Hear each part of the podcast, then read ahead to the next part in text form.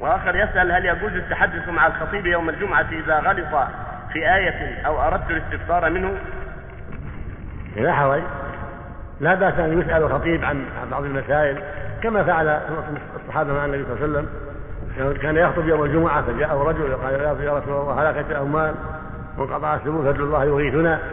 فاستغاث للمسلمين وطلب الله أن يغيث العباد عليه الصلاة والسلام. فأغاثهم الله وجاءه مرة رجل وهو يخطب الناس.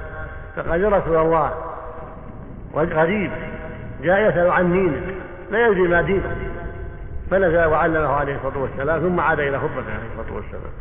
فالمقصود لا بأس أن يسأل عن شيء وهو يخطب عليه الصلاة والسلام. ولا مانع يرد عليه إذا غلط في الآية ينبه على الآية لا بأس. نعم.